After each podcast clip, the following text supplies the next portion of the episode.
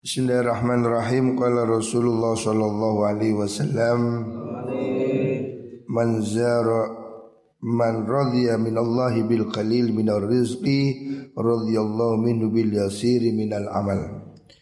Man udai sapani wong iku radhiya ridho sapa man.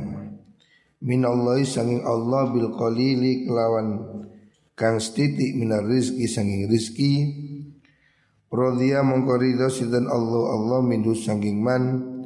Bil yasiri kelawan perkara kang minal amali sangking amal. Hadis Urwahul Baihaqi. Rasulullah Shallallahu Alaihi Wasallam mengajarkan hidup konaah ya, hidup neriman bahwasanya rezeki ini sudah ada ukurannya, sudah ada ketentuannya dari Gusti Allah. Kita berusaha, kita bekerja, ya. tetapi ukuran rezekinya yang menentukan adalah Gusti Allah. Maka barang siapa ridho nerima keputusan Allah dengan rezeki yang sedikit Allah akan ridho padanya dengan amalan yang sedikit. Artinya siapa kona'ah Siapa neriman? Kalau memang takdirnya Rezekinya Sekian ya. Tidak jadi konglomerat Tidak jadi Miliuner Bakul tempe, bakul tahu, bakul bakso ya nerima dengan posisi yang diberi oleh Gusti Allah meskipun sudah berusaha siapa ridho konaah neriman urusan rezeki Allah juga nerima amalan dia yang sedikit. Artinya Allah juga tidak dia tidak menuntut dia beramal se, sedemikian rupa. Artinya orang ini berarti ikhlas karena rezeki itu kan sudah ditentukan oleh Allah. Allah ridho kepada dia. Dia berarti ridho pada Gusti Allah. Orang yang mengeluh soal rezeki, sambat-sambat, wadul-wadul itu berarti tidak menerima keputusannya Gusti Allah. Kita ini ikhtiar, usaha, ya sudah. Perkara rezeki ini jadi titik, ya kudu diterima. Sama dengan kasus covid ya kita berikhtiar berusaha. Sing maringi kewarasan ginamung Gusti Allah. Apa pun keputusan Allah Harus kita terima. Semuanya ini khairihi wa syarrihi minallahi ta'ala. Hadis Urwahul Bayhaqi Selanjutnya Nabi bersabda Manzaroni bil Madinah muhtasiban kuntu lahu syahidan wa syafi'an yaumal qiyamah. Man utai sapani wong iku zaro ziaro sapa mani ing ingsun. Bil Madinati ing dalam negara Madinah. Walaupun Kanjeng Nabi sudah wafat kita tetap dianjurkan ziarah makam beliau di Madinah. Banyak sekali riwayat. Rasulullah Shallallahu Alaihi Wasallam memang menginginkan kita tetap menyambung hubungan walaupun beliau sudah wafat. Ya. Wafat itu hanya tubuhnya ya, akan tetapi ruhaninya masih ada. Hanya jasadnya yang meninggal. Siapa orang ziarah sowan pada Rasulullah Shallallahu Alaihi Wasallam di Medina saat ini juga Artinya tidak hanya waktu Nabi hidup Setelah Nabi meninggal pun Orang tetap dianjurkan ziarah ke Madinah. Siapa orang ziarah ke Madinah muhtasiban Hale wong kang amrih ganjaran Ikhlas Tidak ada tendensi yang lain. Kuntu mongko ono ingsun lahu maring man iku syahidan wong kang nyakseni. Wa syafi'an dan maringi syafaat yaumal qiyamati dalam dino kiamat. Ini loh pentingnya kita ziarah kanjeng Nabi. Muka-muka kabeh diparingi rezeki. Kita ini kalau ke Mekah harus sekalian pergi ke Madinah. Baik itu haji, baik itu umroh ke Mekah dan ke Madinah. Ini dianjurkan ya. Walaupun memang kalau dari segi kualitas masjid ya, pahala pahala di masjid Mekah itu 10 kali lipat dari masjid Madinah. Akan tetapi nilai lebih di Madinah itu ada kanjeng Nabi. Jadi kita ke Madinah itu memang niatnya sowan kanjeng Nabi. Sebab Nabi sudah menjanjikan siapa orang berziarah ke Madinah, siapa orang berziarah kepadaku di Madinah dengan niat yang baik, yang ikhlas, muhtasib, maka aku akan menjadi saksi bagi dia dan memberi syafaat pertolongan kelak di hari kiamat. Ya. Jadi ziarah pesarian Nabi ini penting dan ini riwayatnya banyak. Riwayatnya banyak. Siapa orang tidak mau ziarah makam Nabi itu berarti orang yang sombong, orang yang apa? mokong. Karena kita semua ini bisa jadi Islam menikmati iman ini Ya karena adanya kanjeng Nabi Makanya kita setiap hari baca sholawat Baca sholawat ya Sebanyak-banyaknya Dan Muko-muko bisa langsung ziarah ke makam kanjeng Nabi Makam Nabi di Medina Semua orang halus sunnah ziarah ke sana Dan Medina ini kota yang diberkahi Allah Orang harus kerasan di Medina. Kalau orang tidak kerasan di Medina, wah ini mencelek. Medina ini kota yang diberkahi Allah. Kota yang dicintai Rasulullah Shallallahu Alaihi Wasallam. Makanya kita ini ya hari ini masih pandemi, masih sulit. Muka-muka pandemi ini segera berakhir. Kita yang kepingin, saya sudah kepingin, kepingin pergi coba situasinya belum memungkinkan. Tapi kalau kita pergi setiap tahun tidak masalah ya.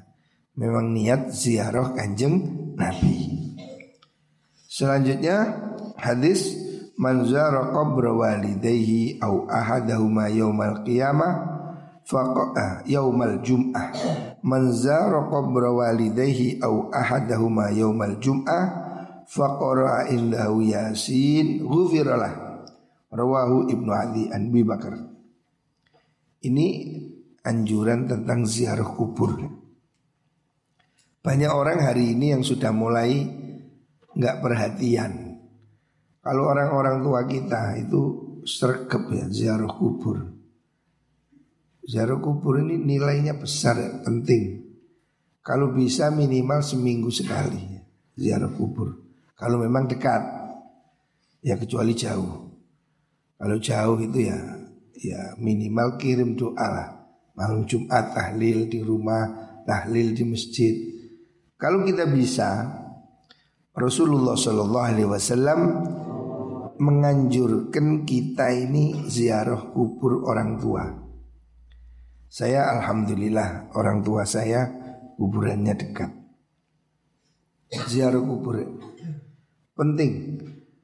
Kata Nabi man utai sapane wong iku ziarah sapa man? Qabra walidayhi ing kuburane wong tuwa loro man? Au ahadahu mau tau salah ne walidayhi yaumal jum'ati ing dalam dina jum'ah. Faqor amongko maca sapa man indahu ing dalam ngersane kuburan Yasin ing surat Yasin. Yasin ing surat Yasin. Ghufira mongko den sepuro sopeman Den sepuro lahu maring man. Jadi siapa orang ziarah kuburan orang tuanya? Ini loh, dalilnya ziarah kubur jelas Ada orang kok masih ngeyel. Ziarah kubur nggak ada dalilnya. Itu ngeyel. Ini salah satunya. Hadis riwayat Ibnu Adi man zara qabra walidayhi aw ahadahuma yaumal jum'ah faqara indahu yasin ghufiralah Siapa orang ziarah kubur orang tuanya? Dua-duanya atau salah satunya Pada hari Jum'ah ya, Hari Jum'ah. Ini hari Jum'ah Fakora indau yasin Kemudian di situ dia baca surat yasin Ghufiralahu Maka dia akan dapatkan ampunan dari Gusti Allah. Jadi kalau memang ada ziarah. Kalau kamu di pondok ya ziarah ke makam pengasuh. Ziarah ke makam muassis ya. Pendiri pesantren. Makanya rata-rata pondok itu pengasuhnya dimakamkan di dalam pondok ya supaya kita bisa ziarah ya, ziarah. Kalau memang orang tua jauh ya ziarah ke makam kiai pendiri pesantren. Di situ kamu kirim doa. Di situ kamu kirim fatihah pada orang tuamu. Itu salah satu kunci berkah ya.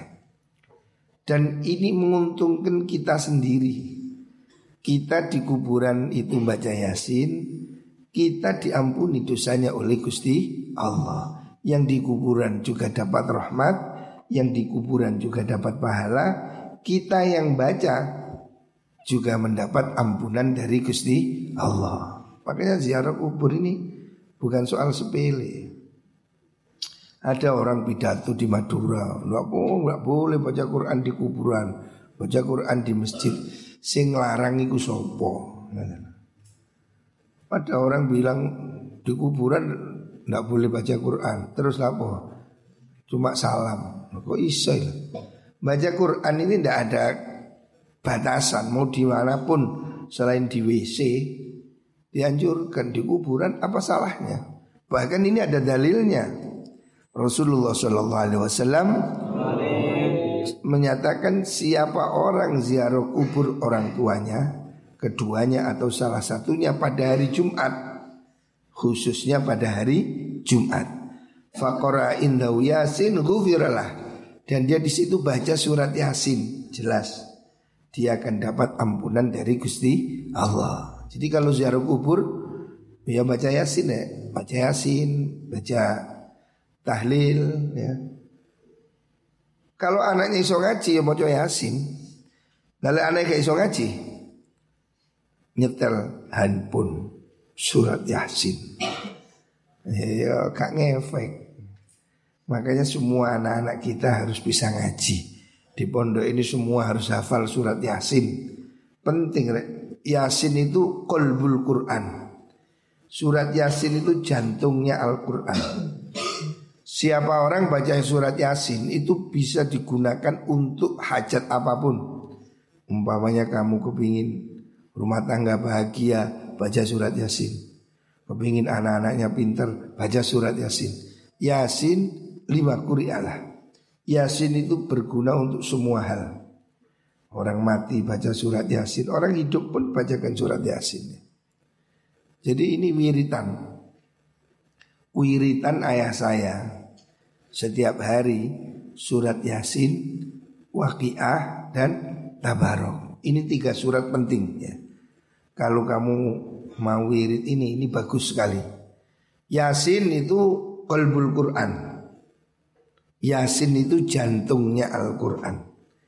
Siapa baca surat Yasin maka untuk apa pun terutama untuk keluarga nirakati anak ada sing beling-beling itu Dul.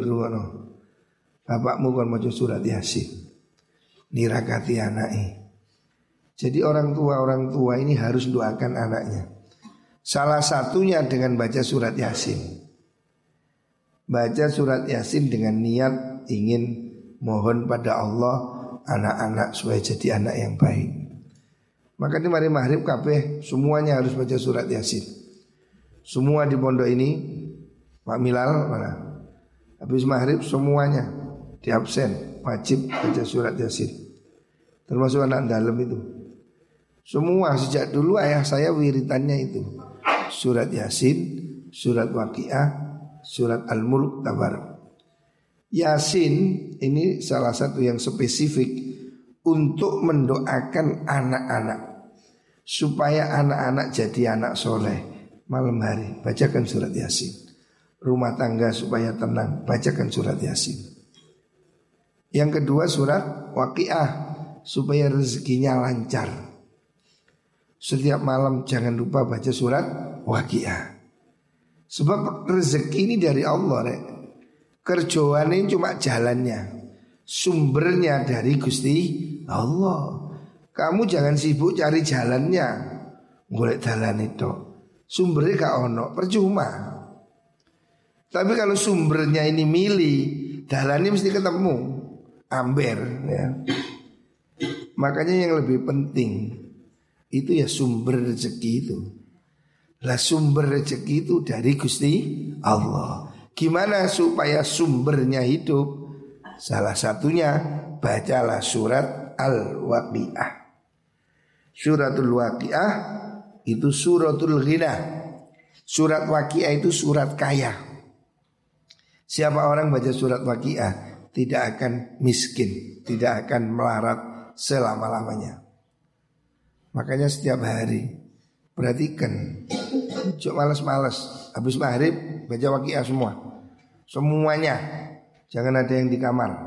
Semuanya santri maghrib jamaah baca Yasin, baca Waqiah, baca Al-Muluk. Ini wiritan resmi. Semuanya harus biasakan ya. Ini penting, rumah tangga penting, rezeki juga penting. Yang ketiga itu surat Al-Muluk, surat Tabarok. Surat Tabarok itu gunanya untuk minta diselamatkan dari siksa kubur. Kita ini lek mati rek, muka-muka diselamatkan dari siksa kuburan. Caranya perbanyak baca surat Al-Muluk. Ya.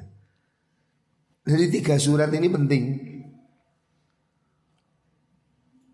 Tapi kalau hari Jumat dianjurkan lagi baca surat Kahfi. Kamu supaya kak loro-loron sehingga ini loro tang itu baca surat Kahfi. Siapa orang baca surat Kahfi setiap hari Jumat, insya Allah dihilangkan penyakit-penyakitnya. Harus yang ngeri-ngeri ini, singantuan barengi. Baca surat Kahfi ya. Hari Jumat baca surat Kahfi. Ini fadilahnya besar.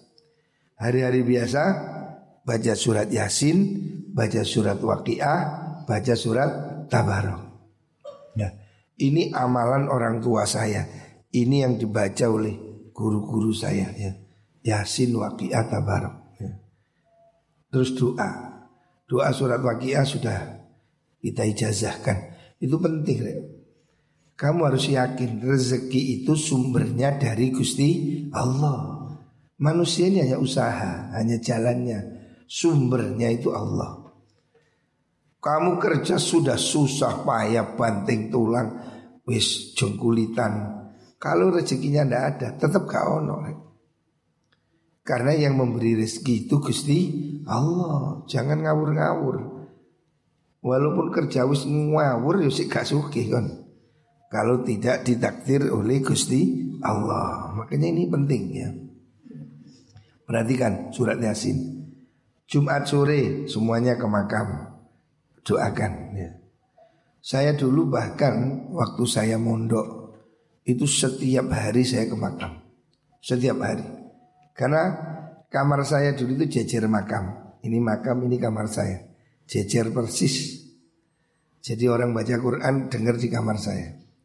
Sekarang sudah dibongkar. Di kamar saya dulu itu mepet makom. Maka setiap malam saya mewajibkan pada diri saya setiap malam saya ke makam baca Quran, baca Yasin, baca Hasbunallah wa ni'mal wakil. Nah itulah berkah ya. Saya merasa alhamdulillah ya. berkah. Berkah saya percaya berkah ya. Berkah kebaikan. Kebaikan yang terus tumbuh. Ya. Semua ini dari Gusti Allah ya, bukan dari siapa-siapa. Semua kebaikan ini datangnya dari Gusti Allah. Hadis Ruwahu Ibnu Adi an Abi Bakar. Selanjutnya dalil yang selanjutnya dawuhnya kanjeng Nabi Qala Rasulullah sallallahu alaihi wasallam Man zara qabra abawaihi Nah ini ziarah kubur lagi Man utawi sapane wong iku zaro ziarah sapa man ziarah kubro abawaihi ing kuburane wong tua lurune man. Siapa ziarah kubur orang tua? Perhatikan. Au ahadahuma utawa salah suwijine au ahadihima utawa salah suwijine abawaihi fi kulli jum'atin ing dalam saben Jumat. Seminggu kalau di Arab ya setiap Jumat. Marotan seambalan. Seminggu sepisan ya. Ghufira lahu Ghufira mongkon sepura lahuman Wa kutiba lan den tulis sopaman Baron ing wong kang bagus. Jadi kamu akan dicatat sebagai orang yang baik Orang yang birrul waliden Jadi birrul waliden ini harus wajib ya. Allah merintahkan kita birrul waliden Bahkan wajibnya birrul waliden ini disandingkan setelahnya wajibnya menyembah Gusti Allah. Wa qadha rabbuka alla ta'budu illa iyyahu wa bil walidaini ihsana. Jadi Allah itu menggandeng wajibnya birrul walidain berbuat baik pada orang tua jejer setelahnya menyembah pada Gusti Allah. Penting sekali. Kalau orang tuamu masih hidup maka kamu harus menyenangkan hatinya. Menyenangkan, jangan ngeriweti. Contohnya ojo bolos. Tul, apa itu? Rungono arek bolosan nih. Perhatikan, kamu harus membahagiakan orang tuamu. Salah satunya ya dengan tertib. Sekolah sing tertib, ngaji sing tertib, mondok sing tertib, ya. Ini birul walidin. Baiki hubunganmu pada orang tua. Perlakukan orang tuamu seperti raja Maka hidupmu akan bahagia seperti raja. Kunci hidup bahagia Hormati orang tua. Tidak ada yang lain. Ya. Bahkan Rasulullah SAW Menyuruh kita Kalau orang tua sudah meninggal Birul walidin Cara birul walidin Cara berbakti kepada orang tua Kalau orang tua sudah meninggal dunia Salah satunya adalah dengan mendoakannya Menziarahi kuburannya ya.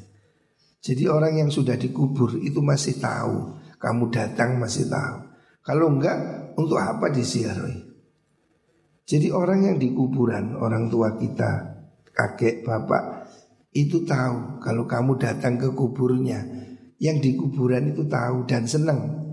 Ya. Senang orang kubur di ziarah itu senang. Makanya kalau memungkinkan ya seminggu sekali datanglah ke makamnya. Ini Rasulullah Shallallahu Alaihi Wasallam bersabda siapa orang berziarah pada kubur kedua orang tuanya atau salah satunya setiap Jumat setiap minggu, setiap Jumat, apalagi hari Jumat. Sekali saja maka Allah ampuni dosa-dosanya dan dia dicatat sebagai orang yang berbakti kepada orang tua. Jadi ingat berbakti orang tua ini wajib. Kalau masih hidup datangi, cium tangannya, hormati, ikuti kehendaknya. Kalau sudah mati, datangi kuburnya, bacakan Yasin, doakan dia. Kalaupun kamu tidak bisa datang berdoa, kamu doakan dari pondok. Doakan dari mana pun ya, doa itu sampai. Setiap hari usahakan setiap hari tidak lalai mendoakan orang tua. Walaupun itu hanya Fatihah. Ya contohnya kita sebelum ngaji baca Fatihah doakan orang tua kita ya. Kita harus berbakti pada orang tua. Jasa orang tua tidak terkira ya.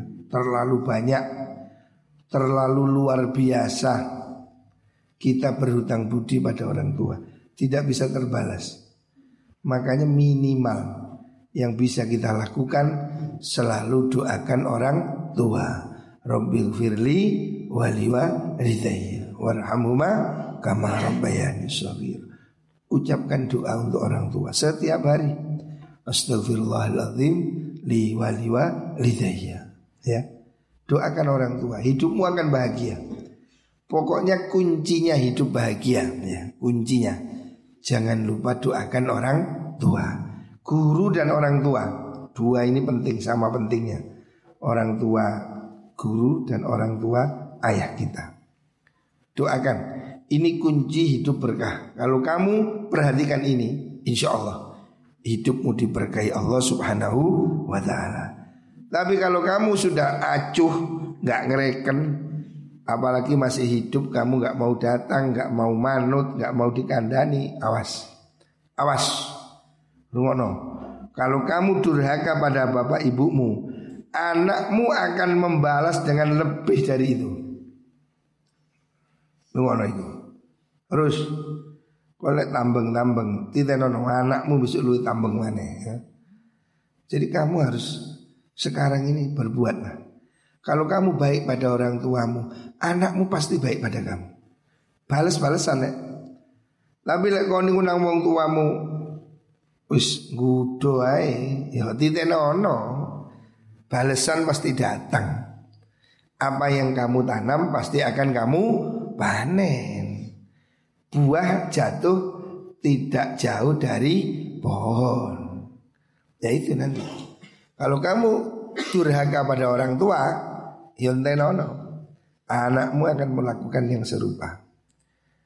Sebaliknya, kalau kamu berbakti pada orang tua, insya Allah anak-anakmu juga akan berbakti pada kamu. Makanya saya kita eling no. Kenapa setiap hari saya ngaji ini mesti harus ngabsen kamu yang bolos-bolos itu supaya kamu tidak mengecewakan orang tuamu. Bapak ibumu ngirim kamu ke pondok ini susah payah. Jangan kamu bikin mainan, bolos. Ini dosa kamu, durhaka ini. Kamu harus merasa kamu berusaha membahagiakan orang tuamu. Minimal dengan cara kamu jadi baik itu Baik, apalagi hafal Quran. Wah, orang tuamu senang bangga. Tapi kalau kamu nakal, beling, bolos, masya Allah, rasanya kerjaannya itu menjadi semakin berat. Ya. Makanya saya ingatkan semuanya, ayo semuanya harus berbakti kepada orang tua. Caranya bagaimana? Ya ikuti perintahnya, senangkan hatinya. Saya alhamdulillah masih punya ibu, ibu saya sudah sepuh, sudah tidak bisa jalan. Setiap hari saya berusaha. Harus saya sowan. Setiap hari. Mau siang, mau malam, pagi, sore. Saya selalu berusaha. Setiap hari harus sowan ibu saya. Karena apa? Itu yang satu-satunya bisa saya lakukan. Ibu saya sudah sepuh. Ibu saya sudah tidak bisa berjalan Saya harus datang. Saya harus cium tangannya. Saya bawakan makanan apa kesukaannya Setiap hari. Dan Allah memberi saya rezeki Masya Allah luar biasa. Luar biasa. Saya merasa hidup ini mudah. Hidup ini tidak ada yang susah. Alhamdulillah. Rezekinya Alhamdulillah. Rumah tangga dan semua. Semua yang saya rasakan hari ini Berkahnya orang tua. Ya. Kalau kamu percaya Kamu akan bahagia Jadi kalau kamu tidak percaya Tidak ada bahagia di mana Siapa yang bisa bahagiakan kamu Tidak ada kebaikan yang hilang. Ya. Semua kebaikan itu kembali pada diri kita sendiri. Kalau kita baik pada orang tua, saya merasakan alhamdulillah. Saya setiap hari mewajibkan diri saya suami ibu. Belikan makanan apa sudah seadanya. Pokoknya setiap hari saya berusaha bawa makanan. Apa yang bisa dibawa. Kadang saya suapi sendiri. Karena saya merasa ini hutang budi saya pada orang tua tidak pernah terbalas. Kalau hari ini saya nyuapi ibu saya, oh itu tidak ada artinya. Ibu kita dulu nyuapi kita si ngenge, si nyawi, us, luar biasa. Jadi jangan pernah kamu durhaka pada orang tua. Nyesel seumur hidupmu pasti nyesel. Jadi jangan sekali-kali bantah orang tua. Saya alhamdulillah. Ya contohnya rumah ini, pondok ini. Ini dulu karena saya ikut rumah saya kan dulu di timur sana kumpul sama ibu Saya disuruh pindah, ngalah. Ya sudah, saya pindah. Adik saya supaya di sana, ya saya pindah. Ini dulu seperti hutan. Ini tempat ini seperti hutan, tidak ada orang, sendirian saya. Tapi saya merasa saya pasti sukses, saya pasti bisa. Karena apa? Motivasi saya, saya niat manut orang tua. Bayangkan saya dari rumah di dalam pesantren yang rame, pindah ke sini sepi nggak ada orang. Ini dulu kebun semua nggak ada orang, rumah sendiri, nggak ada tetangganya. Tapi saya tidak kecil hati karena saya sejak kecil meyakini itu doa orang tua itu tidak ada luputnya, pasti terjadi, pasti mujarab. Nah, dulu saya suruh pindah rumah ini oleh ibu saya berat hati. Seandainya boleh itu saya nggak kepingin pindah dari rumah ayah saya itu. Tapi karena ibu saya, saya ikut. Sendiri saya di sini, nggak punya apa-apa, nggak ada santri, nggak ada musola, nggak ada apa-apa, pagar pun nggak ada. Sendiri di tengah hutannya.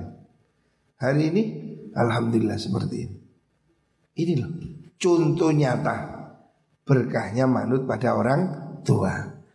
Kalau kamu gagal berbakti pada orang tua, hidupmu gagal. Tapi kalau kamu berbakti pada orang tua, jangan takut, jangan khawatir. Saya membuktikan, ya. Semuanya dari Allah Subhanahu wa taala. Semua ini berkat doa orang tua, doa guru, doa orang tua. Itu saya yakini betul. Tidak ada yang sulit, alhamdulillah. Selama ini saya merasa semuanya dimudahkan oleh Allah berkahnya doa guru, berkahnya doanya orang tua. Makanya saya minta semua santri perhatikan. Ojo ono sing gak boso nang wong tua. Ono enggak? Iya Pak, ojo Pak. Kon Pak. Wah, dosa. Bapak gak boso. Hormati orang tua. Ikuti perintah orang tua. Kamu disuruh mondok, sudah mondok niat berbakti pada orang tua. Pasti kamu bahagia. Sudah yakin. Saya dulu tamat sanawiyah An-Nur ini kepingin sekolah di Jogja. Udah, kepingin. Ayah saya bilang enggak, mondok ngaji. Ya sudah, saya manut mondok di Lirboyo. Alhamdulillah. Hari ini apa yang tidak bisa? Semuanya mudah. Eh? Alhamdulillah. Muka-muka kita semua bisa berbakti kepada orang tua. Kalau orang tua sudah mati, hendaknya kita ziarah kubur minimal seminggu sekali. Siapa orang ziarah kubur orang tuanya seminggu sekali, diampuni dosanya dan dicatat sebagai orang yang berbakti kepada orang tua. Wallahualam.